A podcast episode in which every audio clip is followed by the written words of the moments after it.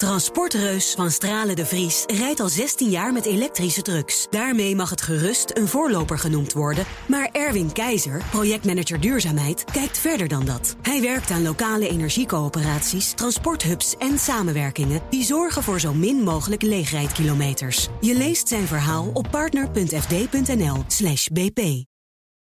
The Daily Move. BNR Nieuwsradio. Kees Dorrestein en Liesbeth Staats.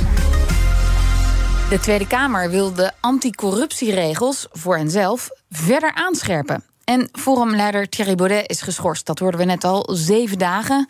Zo besloot een Kamermeerderheid vanmiddag na een advies van het college Onderzoek Integriteit.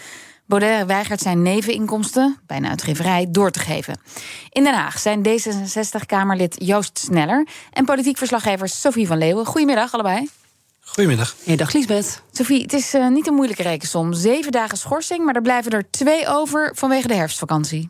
Ja, die begint vrijdag en het, uh, de schorsing gaat morgen in. Dan kan die donderdag niet debatteren.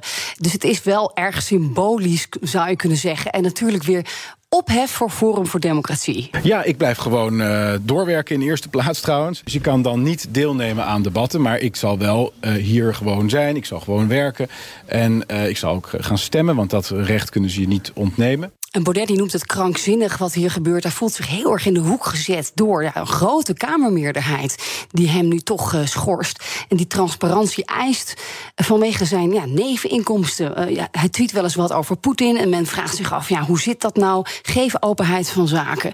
Baudet blijft weigeren. En ook zijn collega FVD-Kamerlid Gideon van Meijeren. Aangeven van wat je buiten de Kamer nog allemaal doet... maar je, mag, je moet ook je geschenken opgeven, je buitenlandse reizen. Straks moet je je agenda openbaar gaan maken. Het is een, is een glijdende schaal richting inkapseling. Al onze partijfinanciën die zijn gewoon openbaar keurig gecheckt door de accountants. En ik kan uh, stellig beweren dat wij niet gefinancierd worden door de Russen.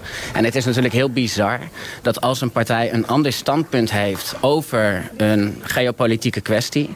dat wij dan dus gefinancierd zouden worden door de Russen. Het hele idee dat ik door buitenlandse... Dat is ook allemaal Zembla achter. Het is ridicuul, het is belachelijk. En ik, het is mijn eer ook te na. Ik, ik, ik schrijf boeken, ik, ik ben volstrekt transparant over... waarom ik bepaalde ideeën heb. Ik ben bereid om met iedereen daarover te praten. Het hele idee dat je moet wel omgekocht... Het is gewoon krankzinnig. Zei Thierry Baudet zojuist en Gideon van Meijeren van FVD... die een berisping krijgt. Het gaat natuurlijk over ja. die bestuursfuncties, Elisabeth. De Amsterdam Media Group. Ja, maar die volgens mij komen... dat. Ja, een uitgeverij waar zij alle in zitten. We komen niet echt een stap verder nee, eigenlijk, want, want ik, um, ze geven niks op. Nee, en wat ik hem ook niet hoor zeggen, is waarom hij niks wil opgeven. Want hij zegt, ja, er, we hebben niks te verbergen. Nou, dat kan heel goed, maar waarom willen ze dat dan niet opgeven volgens dat de doet, richtlijnen? Dat doet hij dan schimmig over. Hij zegt, het is een principe en, en jullie zijn gewoon tegen mij. Dat is denk ik het kartel. En dus uh, he, jullie willen gewoon minderheden onderdrukken. Maar hij geeft niet een echt reden. Hij zegt, nou, als je het echt wil weten, ga je toch naar de Kamer van Koophandel. Ja. Daar staat het toch ook. Ik heb ook een accountant. Nou, dan moet je daar maar eens in gaan bladeren. Maar ik ben het met je eens... Waarom hij dat nou echt niet wil, blijft schimmig. Ja, Joost Sneller, Tweede Kamerlid voor D66. Uh, Baudet noemt, noemt het krankzinnig, deze maatregel. En hij vindt dat onder andere u hem onterecht verdacht maakt. Nou, kijk, het gaat hier om uh, gedragsregel 1, wat mij betreft, die zegt voor Kamerleden dat zij hun ambt in onafhankelijkheid en in het algemeen belang uitoefenen. En we hebben al heel lang, al ver voordat Baudet ooit naar Den Haag kwam, hebben we daar registerverplichtingen voor. Onze nevenfuncties, onze reizen, onze geschenken. En dat zijn waarborgen om te zorgen dat we inderdaad ook controleerbaar, onafhankelijk dat soort besluiten nemen die we hier nemen. En dat zijn belangrijke besluiten. En na rapportages ook van de Raad van Europa hebben we als Kamer, en dat was een hele brede meerderheid. Als het kartel zo breed was, uh, dan, uh, nou ja, dan hoort er ongeveer iedereen erbij. Uh, dat heeft gezegd, we moeten daar ook een toezichts- en sanctiemechanisme op loslaten. En ja, dat wordt nu gewoon netjes gevolgd. En dat zijn de, de regels zoals we die hebben vastgesteld. En dan zegt uh, collega Baudet: zegt, ja, dit is niet mijn rechtsorde. Ja, nee. dat is een beetje te makkelijk. Het gaat hier om een plicht die we allemaal hebben als Kamerleden. En die dient te worden nageleefd. En kun je zeggen dat je daarvoor tekent op het moment dat je in de Kamer komt? Dat je nou, daarmee akkoord gaat? Het reglement van orde geldt voor alle Kamerleden. Dus je weet willens en wetens uh, waar je inderdaad instapt. Ja. En het gaat hier uh, ik bedoel, over Kremlin en dat soort discussies. Die haalt Baudet er zelf bij. Het uh, gaat hier om een BV. En hiervoor al, hè, in, in maart al, om het bestuurslidmaatschap van twee andere BV's. Die die weigert op te geven. En dan weigert hij ook nog eens mee te werken aan het onderzoek van het college uh, onderzoek integriteit, wat hier speciaal voor is opgericht. En dan weigert hij ook nog eens de aanwijzing van de voltallige Kamer uit maart na te leven, namelijk zorgen dat je die wel gewoon opgeeft. Maar het staat toch in de Kamer van Koophandel? Dat kunnen we toch opzoeken, zegt Baudet? Je moet weten welke BV's je op moet zoeken om hem daar te kunnen vinden. En uh, er is een klager geweest die dat gedaan heeft. Maar we hebben gewoon die registers op de Tweede Kamer-website. Niet als een zoekplaatje, maar als een op de Tweede Kamer-website van alle Kamerleden ja. onder elkaar toegankelijk. Maar en ja, het gaat erom dat je wel aan die regels houdt. Ja, nog even over, u zegt ja, hij haalt het Kremlin erbij.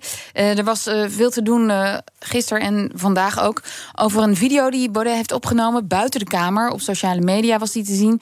waarin hij nou ja, een soort beleid dat hij gelooft in een elite van reptielen die ons uh, regeert. En daar sprak hij ook nog even zijn steun aan Poetin uh, uit. Ja, daar gaat dit niet over, toch? Dit gaat nee, gewoon dat... over de BV.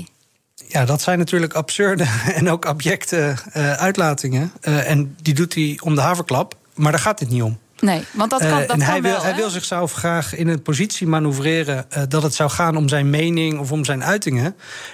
Dat komt op geen enkele manier in de rapportage van het onafhankelijke college voor. En uh, heeft ook op geen enkele manier een rol gespeeld bij uh, het stemgedrag in de Kamer waar dit over gaat. Want, uh, want dat staat een Kamerlid vrij buiten het parlement om dit soort uitspraken te doen.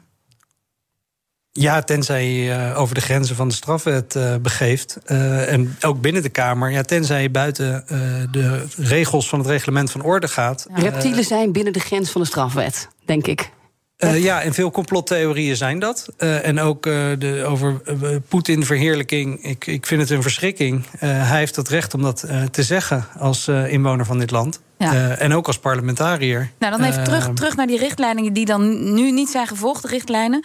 Baudet wordt twee dagen geschorst. Ja, dat verandert natuurlijk helemaal niets, toch, Sophie? Uh, ik denk het niet, want uh, hij zegt ik ga gewoon door met werken. Ik mag nog stemmen. Dan is het reces en daarna is hij er weer. Ik ben wel benieuwd of dit nou een reeks van klachten en schorsingen gaat opleveren. Want dit is nog maar uh, zeven dagen. Je kunt ook nog een sanctie van een maand schorsing opleggen. Uh, dus dan zou er weer een nieuwe uh, klacht ja. binnen moeten komen. Dan zitten we in een soort riedel van Baudet-ophef. Ja, maar, die la, we dan maar vanaf nu gaan krijgen. Laten we het even bij deze schorsing houden. Um, Joost Sneller, ja, dit is dan toch vooral aandacht voor Baudet. Dat is toch precies wat hij wil, die twee dagen?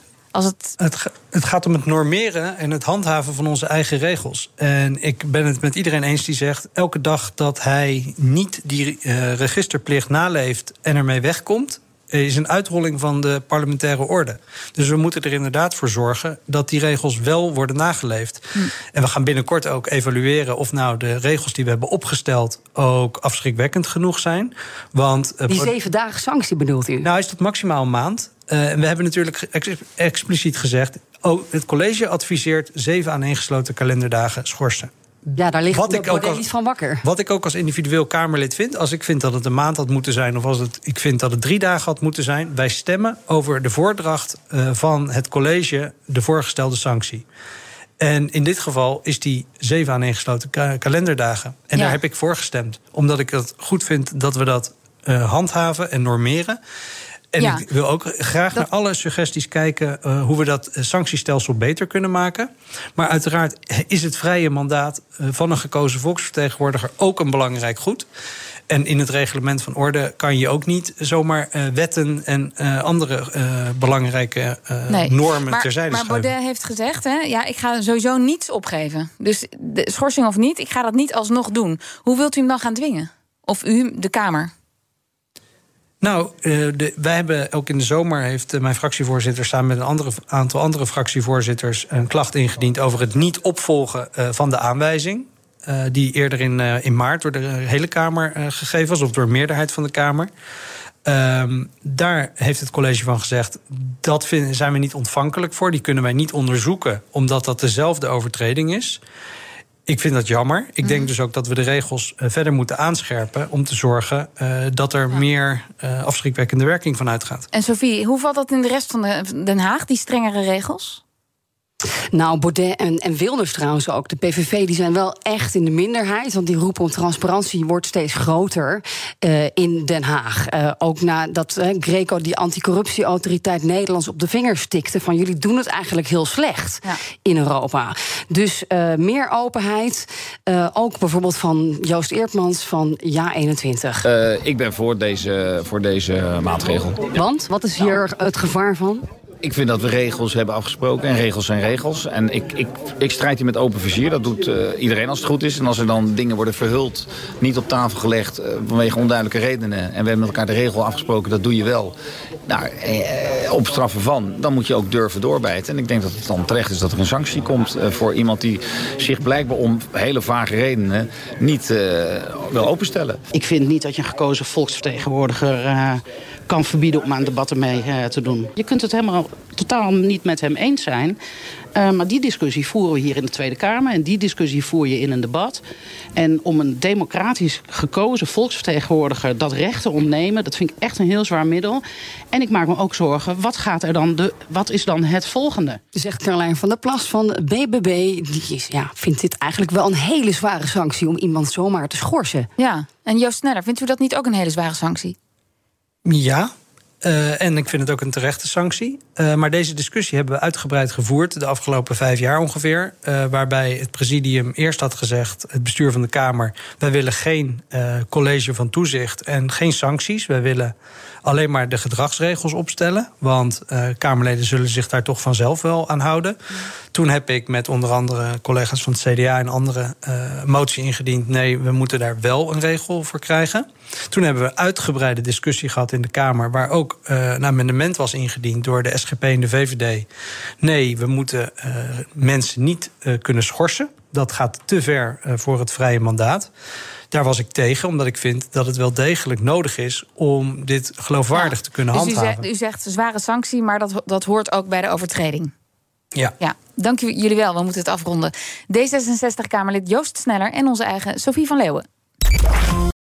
Transportreus van Stralen de Vries rijdt al 16 jaar met elektrische trucks. Daarmee mag het gerust een voorloper genoemd worden. Maar Erwin Keizer, projectmanager duurzaamheid, kijkt verder dan dat. Hij werkt aan lokale energiecoöperaties, transporthubs en samenwerkingen... die zorgen voor zo min mogelijk leegrijdkilometers. Je leest zijn verhaal op partner.fd.nl bp.